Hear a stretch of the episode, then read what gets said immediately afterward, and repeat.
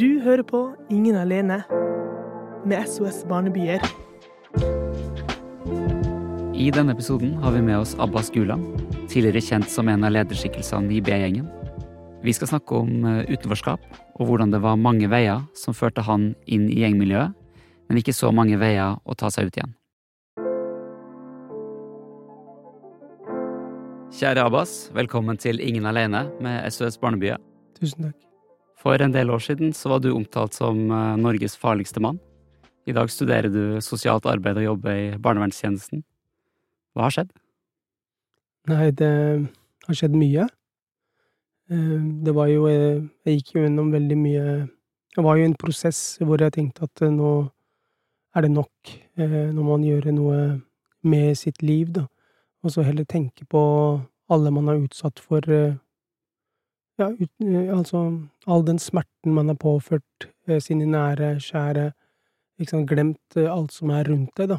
Familie, barn, ikke minst det å leve i en stressende hverdag.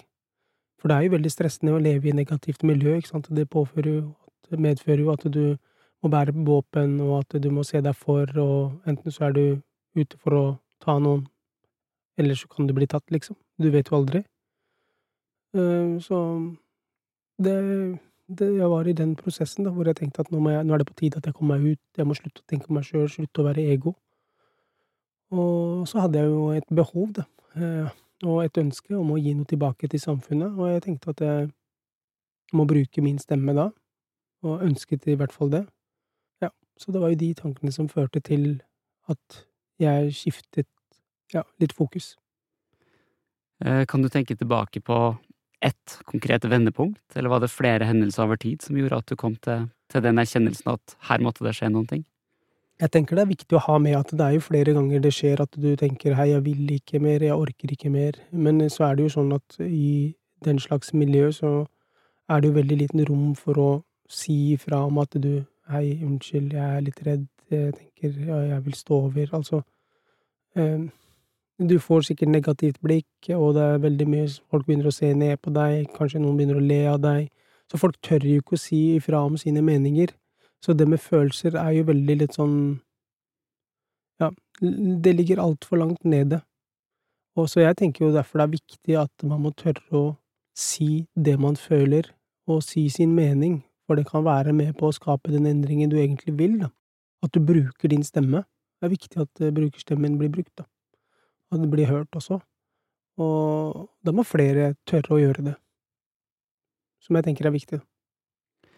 Eh, vi skal gå litt, eh, enda litt mer tilbake i tid. Eh, vi er opptatt av barn og unge, og utenforskap, og hva som gjør at noen finner det i, ikke finner det, fellesskapet. Kan du fortelle litt om, om din bakgrunn, og eh, litt om hvordan du hadde det da du vokste opp? Nei, jeg tenker at jeg hadde en veldig fin Noen fine år i min oppvekst. Altså, vi har jo kommet fra en stor familie, så vi var mange barn. Vi var jo seks brødre. Og så hadde vi en stor overgang fra Tøyen til Furuset, altså stor derfor, for at det var veldig mye rasisme på Furuset. Og det var med på å prege hverdagen, for at man møtte på rasisme på veldig nært. Du ble slått, du ble liksom hengt ut, og du ble mobbet. Og disse tingene fører jo til at du havner utenfor, da. Eh, så for meg så startet utenforskapet på den måten. Men samtidig så var jeg veldig heldig, for jeg fikk jo noen eh, Eh, gode venner med etnisk hvit bakgrunn som var veldig fine å ha rundt seg, da. Men utfordringen ble jo at med årene så ble de også plagd av disse med rasistiske holdninger, sånn at de begynte å ta avstand, og da ble man jo enda mer alene. Så da ble jo veien ut litt enklere, da. Og i tillegg så hadde man utfordringer som språk, for språket er jo så utrolig viktig, ikke sant, det med matpakker, og føle at du har annerledes mat enn andre, eh, annen klær, Altså, alle disse tingene var jo med på å føle, føre til at man havnet utenfor, da. Og da du eh, havna utafor på den måten, oppdaga altså familien din, foreldrene dine, eh, fikk de ta del i det som skjedde? Nei, og de hadde ikke De visste ikke hva som fantes der ute. Så altså altfor liten uh, viten om uh, nettverket som fantes der ute. Og som jeg også tenker, det med integrering, altså de var jo veldig nye sjøl, og prøvde å Fokuset deres var på at pappa skulle bare jobbe, mamma skulle ta seg av barna og husholdningen, ikke sant, det var veldig kulturelt. De hadde jo veldig liten kunnskap om eh, disse tingene, og for oss så ble det jo veldig lett, på grunn av det, at vi fikk et sånt rom hvor vi kunne bevege oss veldig fritt, da. Og så lærte vi å bruke Brukte begge kultur hvor det var mulig å bruke for å misbruke det. Og det ble jo til at eh, jeg utnyttet meg Jeg tok meg frihet eh, i å skrive Underskrive pappas underskrift i meldingsboka, ikke sant. På den tiden så var det meldingsbok. På, og da fikk jo ikke de vite noen ting. Så det ble jo ført eh, bak lyset. Du sa noe om det rommet som du fikk og som du tok. Fortell litt mer om, eh, om det. Nei, det er jo sånn det blir, altså eh, Som barn og ungdom så er det jo veldig sånn, hvis du ikke har den oppfølgingen og den eh, Ikke får oppfylt alle disse behovene som du trenger som et barn, da, spesielt de grunnleggende, så fører jo til at du blir litt alene, sånn. Du får ikke hjelp med å sette ord på følelser, du får ikke den støtten, du får ikke den rosen, og da blir du kanskje litt alene, og det er lettere å være enda mer alene i et rom og utvikle deg på egen måte derfra, som egentlig ikke er så veldig sunt, da. Og eh, for meg så ble det jo at jeg førte de bak lys, og førte skolen bak lys, og tok i bruk negativ oppmerksomhet, ikke sant, for det var på den måten jeg følte at jeg ble sett, for at hvis jeg dro en spøk og noen lo, så var det liksom Det var god nok oppmerksomhet for meg, hvis du skjønner hva jeg mener. Mm. Og så fikk du jo Du fant jo et annet type fellesskap. Kan du fortelle litt om hva slags eh, miljø du kom inn i? Jeg tenker jo at det handler om at alle vi hadde møtt på utenforskap på en eller annen måte, og det førte jo til at vi hadde Vi ble bedre kjent med hverandre, vi hadde mye av de samme utfordringene. Jeg tenker at vi også hadde det samme av de samme behovene som ikke ble dekt i barneårene. Det førte til at vi, vi fant hverandre lett, eh, og eh, vi begynte å vanke utenfor Oslo City. Der følte vi at vi ble sett. Vi følte en form for tilhørighet, et samhold, ikke sant, fellesskapet. Vi følte at det var der det var det var riktig for oss. Det var vår plass. Og der utviklet jo man seg, ikke sant, og ble mer utspekulert og gjorde mer dumme ting, gærne ting. Man påvirker jo hverandre i negativ retning som regel, når dette her er liksom eh, andrevalg for skolen, da. Så ja. Hvor gammel var du da dere begynte å trekke ned til byen? Jeg tipper at det var sånn rundt 13-14, eh, hvis jeg ikke tar feil. I hvert fall i, på ungdomsskolen. Og jeg var jo veldig tidlig ute, for jeg var så uheldig at jeg ble kjent med alvorlig rus, altså heroin, i veldig, veldig tidlig alder, for at en jeg ble kjent med, hadde fått tilgang på det, og jeg skulle være med og selge og og som barn så forstår man jo ikke konsekvensene, men når man møtte på realiteten og så hvor alvorlig det var, du så hvordan de lagde dosen, du så hvordan du skulle skyte den sprøyten, og du så hvordan de lurte oss, og vi bare løp fra dem, for vi hadde hørt at den sprøytespissen var så farlig. Så jeg følte jo at jeg fikk se den brutale siden av uh, rusverden, da. Men ikke sant, det var jo pengene som uh, var hovedfokuset, for jeg så jo hvordan pengene fungerte for denne mannen. Ikke sant? At han fikk jo så veldig mye oppmerksomhet. Han fikk eh, vennskap, og alle ville være rundt han, ikke. Og, men som barn så forstår man jo ikke det. Man forstår bare at hei, det der ser veldig bra ut. Se hvor populær han er.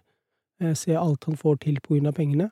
Og så har pengene alltid vært en utfordring i hjemmene, for at de fleste er lavtlønnede, og det er alltid krangler eller diskusjoner rundt penger. Så penger er veldig viktig, da, for eh, de som har dårlig økonomi.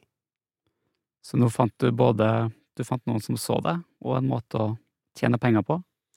Jeg kan ikke si at det var min måte å tjene penger på, for jeg tok jo sterkt avstand etter hvert, men at til å begynne med så var jo det en mulighet, da, en reell mulighet som jeg benyttet meg av som å som en ja, bekjent av uh, denne vennen.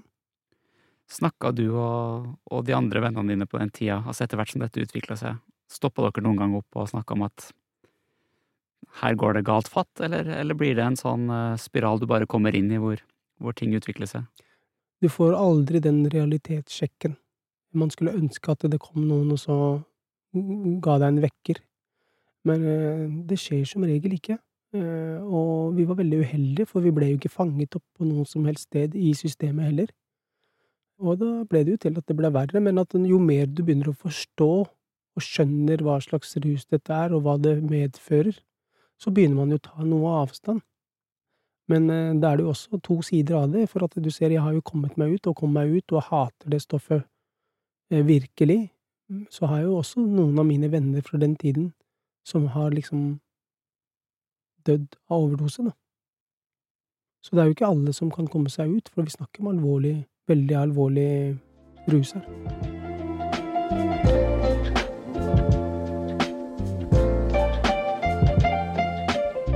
Du nevnte jo det at uh, du skulle ønske at noen hadde, hadde sett hva som foregikk, og måtte kunne ha grepet inn. Hva slags type, og nå jobber du jo med dette også i dag, hva slags type intervensjoner er det du ser at kunne ha fungert overfor deg og den gruppa du var sammen med?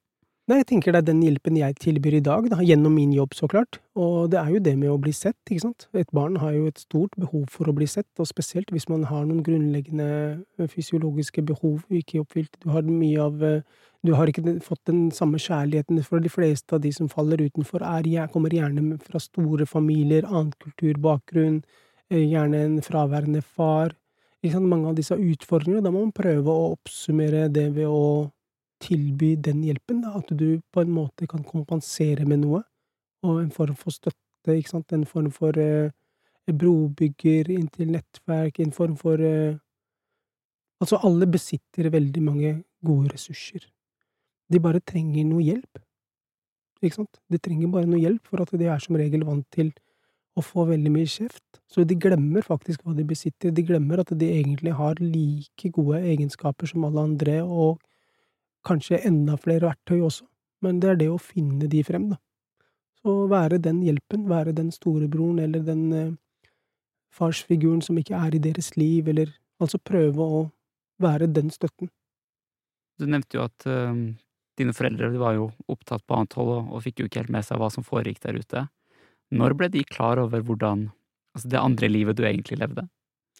Jeg tenker det tok litt tid, men det kom også av at vi hadde veldig mange var, hadde veldig mange konflikter. Eh, sånn at de forsto jo ikke den kriminelle verden. De trodde hele tiden at når politiet kom på døra eller var der, så var det av konflikt, og det var det jo mange ganger òg, så det var lett å lure dem. Men eh, de hadde jo noen antakelser, tenker jeg, og det har jo de fleste, flest foreldre. Men så er det jo noen foreldre som tenker at nei, går gode for barna på en måte at håper det, liksom, og så innrømmer man det ikke. Og det syns jeg er veldig viktig i mitt arbeid i dag, også prøve å bevisstgjøre de på at liksom, fakta er annerledes, realiteten er veldig annerledes enn det man mange ganger tror. Og det er viktig at foreldre er til stede, viser tilstedeværelse, viser at den bryr seg. Det er viktig at du tar kontakt med læreren, du spør hvordan det går med barnet. Hvis du ikke har fulgt opp din unge på lang tid, så klart, det sier jo seg sjøl at det vil komme noen utfordringer underveis. Samtidig så hadde jo dine foreldre, som som mange andre foreldre, har jo andre utfordringer og andre forutsetninger enn en del andre. Du nevnte jo med en far som måtte jobbe mye, mor som hadde mange barn skulle ta seg av språk. Hva slags hjelp er det samfunnet kan gi til også foreldrene, så at de skal på en måte bedre forstå hvordan de skal kunne følge opp barna sine? Jeg tenker jo alt handler om integrering her. Vi ser jo at integreringen er jo på likt lik nivå som den var da foreldrene mine kom. Altså det er kanskje Det er sikkert noen små forbedringer, men det er jo veldig lite i liten grad. Så jeg skulle ønske at den fungerte bedre. Jeg skulle ønske at det var bedre program for å få lære seg norsk språk, bedre norsk språk, for det er jo noe Det er jo en kapital, ikke sant, det er viktig. Utdanning, det er kjempeviktig. Har du den utdanningen, så får du en stabil jobb, og ikke du blir ikke den Nav-en. Du kommer ikke til å gå på Nav, på jobb etter jobb etter jobb. For det som fører til, er jo, når du først havner i Nav, er jo at du får en sånn jobb som egentlig er veldig midlertidig. Og du kommer deg ikke ut av det løpet tenker jeg. Og hvis man skal det, så er det nødt til å ha fokus på utdanning, og man er nødt til å hjelpe disse menneskene, få de integrert inn i samfunnet på best mulig måte, da. Da må det være et apparat, det må være program som fungerer, da. Skole, som har på en måte sine, sine ressurser. Eh, jeg regner med at du fikk kanskje en del fravær fra skolen etter hvert, eller hvor, hvor, lang, hvor lenge greide du å henge med på den arenaen? Du, jeg hadde kjempefravær, og det er jo grunnen til at jeg ikke har kanskje klart å holde med holde følge med på mine medelever på den tid, ikke sant. Man får jo noen Går jo glipp av veldig mye. Og det jo Det så jo jeg nå tydelig når jeg startet på skole igjen. Nå er jeg jo ferdig med tre år, da, så jeg har bare ett år igjen, men uansett, jeg har jo nesten gått 30 år før jeg har uten skole, og før de 30 så har det vært to år, tre år med mye skulk, mye fravær. Og det ser man jo, ikke sant, og det blir jo veldig tydelig, da. Så det første året for meg på høyskolen var kjempetøft. Så har det jo blitt noe bedre og, og bedre, da, sakte, men sikkert. Men så klart, det vil jo prege. Det koster. Du endte jo til slutt opp med en ganske lang fengselsdom. Eh, og det var i løpet av den tida du satt i fengsel at du bestemte deg for hvordan du ville leve ditt liv videre. Kan du fortelle litt om måte, både hvilke tanker du gjorde deg da, og hvordan du deretter på en måte grep ting fatt for å, for å få, få, det livet som du egentlig ville ha? Jeg var jo i en veldig sånn vanskelig periode, for jeg hadde forsøkt å komme meg ut flere ganger. Eh, så ble jo dette her vendepunkt, altså rett før jeg ble pågrepet og satt inn i fengsel. Jeg fikk jo litt over fem år. Og det hadde jo nettopp blitt forsøkt drept for andre gang, eh, og hadde skuddskader, og til og med de var ikke ferdig Altså, det var fortsatt Jeg gikk fortsatt med skinner, og hevn, som sagt, var på menyen. Og det var en vanskelig periode. Flere uskyldige ble pågrepet. Samvittigheten ble virkelig satt på prøve. Men kanskje det beste ved det, feil å si det, er jo at jeg hadde mer enn god nok tid nå til å virkelig reflektere og gå inn i tenkeboksen og bruke tid der. Og det tror jeg var veldig nyttig. Det tror jeg virkelig vi trengte. For det jo, det går jo så utrolig fort når man er i gjengmiljø eller negativt miljø. Man har som regel ikke tid til å puste eller tenke. Så det ble, det ble viktig. Og eh, ikke minst at eh, jeg følte jeg fikk stor støtte og hjelp eh, gjennom religionen, da. At eh, den hjalp meg ved å kunne stå alene. For når man har vært med i miljø og kommer fra en stor familie, så er man ofte avhengig av å ha flere mennesker rundt seg. Men nå så var man alene, ikke sant. Så det, det hjalp meg vel. Det var en stor hjelp. Ja, for som du sier, på en måte så blir du jo alene for andre gang. Altså, du hadde jo vært alene og falt utafor, og så hadde du funnet deg et fellesskap. Ja. Og nå på en måte bestemte du deg for et annet type liv som gjorde at du måtte forlate det fellesskapet du hadde fått. Riktig. Hvordan gikk du fram overfor de, altså, når du sa at du ville ut, eller altså, hvordan, hvordan bryter man Hvordan er det å bryte med, med, med, det som er sine venner på den måten? Jeg tenker det viktigste er jo at uh, man, må, man må si at man ønsker å bryte med gjengen og ikke med vennene. Men fakta er jo at når du bryter med gjengen, så vil sakte, men sikkert vennene også bli borte. Og det er jo også en prosess, uh, så det har jo tatt tid. Men jeg tenker at det har vært veldig fint for meg. Jeg er så glad for at jeg har tatt denne avstanden og kommet meg bort. Eh, og jeg håper jo at andre også tør å gjøre det, for at det er tid. Det vil ta tid, men det er absolutt verdt det, for at du, er, altså du har gått glipp av så veldig mye, du har tapt så veldig mye tid, du har sikkert um, vært borte fra realiteten, den virkeligheten som egentlig er der ute, ikke sant, han blir jo borte. Alt blir jo sånn skyggete, for mange bruker rus, ikke sant, og mange benytter seg av andre ting, som også fører til at du forsinker ting, ikke sant, og utsetter ting. Men for meg så har det vært kjempebra, og jeg tenker at uh, Jeg har ikke mange venner, jeg har kanskje ikke noen, men, uh, jeg, men, jeg tenker at jeg har det fortsatt veldig bra. Og jeg har uh, en familie, jeg har barn, de har god helse, ikke sant, at, de, at man må se på de viktige tingene, da og glemme alt det andre. For man blir jo veldig fort blendet av alt det andre. Man blir blendet av penger, makt, eh, biler, status, eh, gull og glitter, alt det der.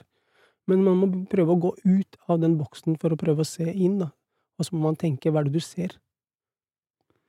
Man blir vel ikke rik i Norge ved å studere sosialt arbeid og jobbe i barnevernet, men det er kanskje en annen type rikdom?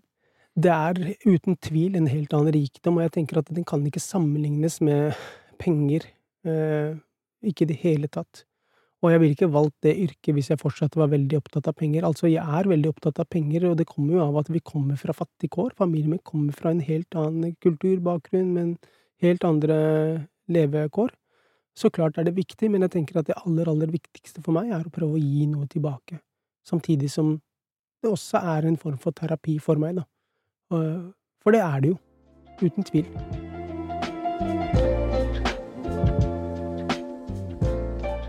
Du sa du fant jo også støtte i religion, eh, men ellers at du sto ganske alene fordi du forlot jo nettverket ditt. Ja. Hadde du andre støttespillere som, som, som hjalp deg i den perioden? Jeg tenker jo at familien min har vært en veldig god støtte, og det til og med når jeg har vært eh, så dårlig som jeg har vært. For det kan man jo ikke legge skjul på. Eh, altså, jeg misbrukte jo deres tillit. Så har de fortsatt vært der for meg. Det tenker jeg er en utrolig god støtte, da. Så jeg er veldig takknemlig for det. Jeg føler meg egentlig velsignet. Hvordan reagerte familien din på når du, når du fortalte de at uh, nå har jeg bestemt meg, dette skal jeg ut av, jeg skal, jeg skal, få til noe annet? Skal jeg være ærlig, så husker jeg ikke det. Uh, for at uh, man har jo sikkert fortalt dem flere ganger. så sist gang husker jeg ikke hvordan de reagerte, men hvis jeg husker riktig, så skal ha mamma felt noen tårer eller noe sånt, for at uh, hun har kanskje følt at nå virker det så ekte, uh, på grunn av både hvor man er, og uh, hun tenkte sikkert at hun skjønte at hun var også der på grunn av meg, hvis du skjønner hva jeg mener. Så det var jo tungt, tenker jeg, for alle parter, men heldigvis forbi den tid. Uh, vanskelig å se tilbake og tenke at man har gått gjennom en så vanskelig tid, og man går gjennom vanskelige tider mange ganger i løpet av et livsløp, som jeg også tenker er viktig å ha med seg, at du kommer til å falle, men du må bare reise deg igjen. Hva betyr det å ha en familie som, som står der bak deg de gangene du faller, både gang nummer to og tre, og, og fortsatt tror på deg og, og backer deg opp når du endelig skal reise deg? Helt avgjørende. Jeg tenker jo at det er akkurat som du må gå tilbake til når du var barn. Så du er avhengig av at du skal lære deg å krabbe, du skal lære deg å gå, og du må ha den støttefunksjonen. Den er veldig viktig. På samme måte også i resten av livsløpet. Eh, og så er jo det de mest tryggeste menneskene i ditt liv, hvis du skjønner hva jeg mener. Så de må man jo bare bruke riktig. Da du hadde bestemt deg for denne endringa, var du noen gang i tvil om du kom til å greie det? Ja, jeg var jo det. Det handler jo om at nå skulle jeg jeg hadde flydd så høyt og, ikke sant, eh, bodd på toppetasjer og panorama og gud veit, ikke sant, levd et liv som er helt utenfor og helt uh, noe annet.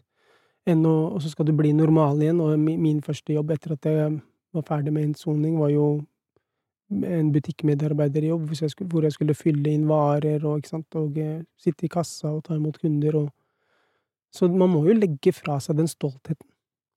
For den har jo vært en del av deg i lang tid.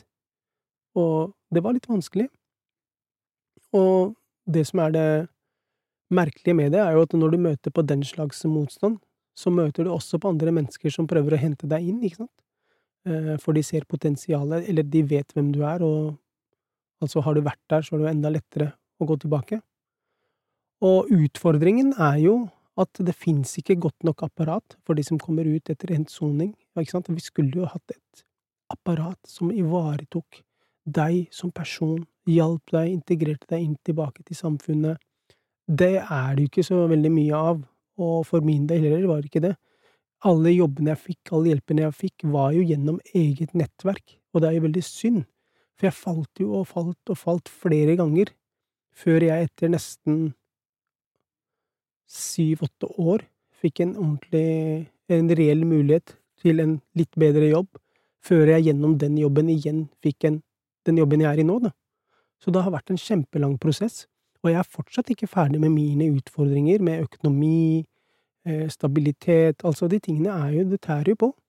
Men jeg tenker at jeg har bestemt meg for noe, og eh, det gjør meg sterkere.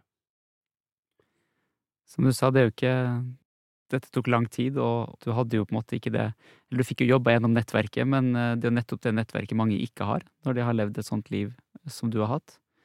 Hva var det som til slutt gjorde at du kom inn på denne utdanninga, og at du fikk, at du fikk komme i gang med det løpet? Nei, jeg tror jeg så muligheten i det. Eh, når jeg først fikk muligheten til en litt seriøs jobb, eh, som var veldig betydningsfull og ga mening, så tenkte jeg jo at eh, det kanskje kunne være en mulighet å gå den veien. Og så har jeg jo hele tiden tenkt at jeg skal bare prøve å komme meg gjennom, ikke hatt sånn kjempestort fokus på at jeg skal ha gode karakterer. Men jeg ser jo nå, det siste halve året, at nå har jeg jo faktisk fått såpass mye motivasjon tilbake. Ikke minst at jeg har følt at jeg har fått en liten form for mestringsopplevelse.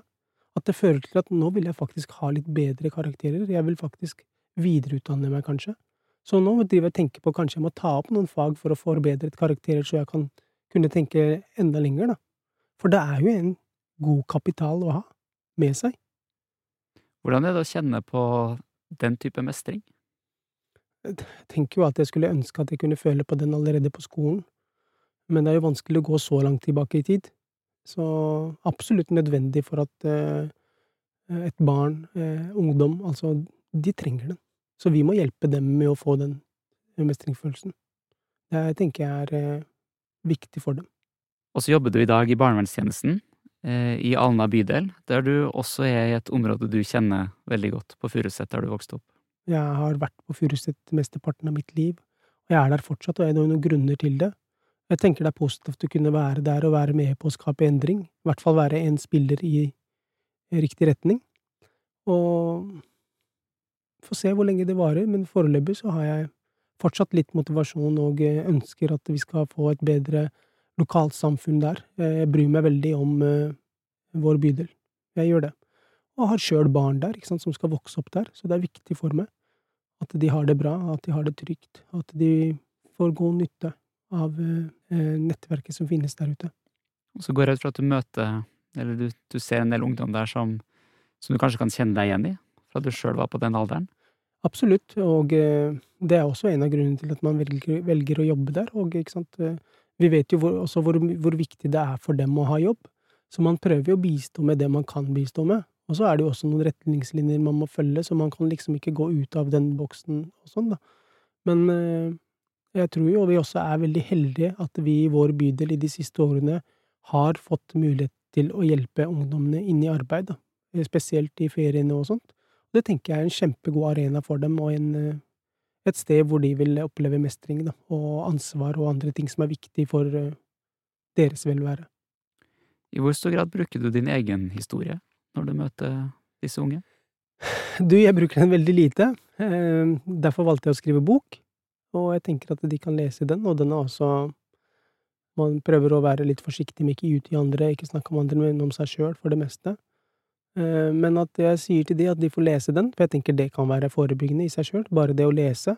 Jeg savner jo at vi, oss med minoritetsbakgrunn, vi leser jo for lite, og barna ser ikke at vi leser, og, derfor så leser ikke de heller like mye. Så jeg tenker det er veldig viktig, da. Eh, men boka er jo Jeg tenker at den er eh, ment for å både advare og informere, og så håper jeg at man kan ta, dra nytte av den. Kanskje man kan lære noe, kanskje den kan være positiv i noen forstand. Eh, håpet er i hvert fall det. Hva slags tilbakemeldinger får du, da, fra, fra de som har lest og, og, sånn sett blitt kjent med din historie? Eh, jeg får veldig positive tilbakemeldinger. Jeg blir veldig rørt eh, når de forteller ting, så Så ja. Jeg feller en tåre iblant her og der. Du snakka jo om, eh, om eh, du ønsker å måtte hjelpe det lokalsamfunnet, at du, du vet jo litt om hvilke utfordringer man, man sitter med. Har vi som samfunn de verktøyene vi trenger? Har du og de du jobber sammen med, de verktøyene som trengs for å, for å gjøre det bedre?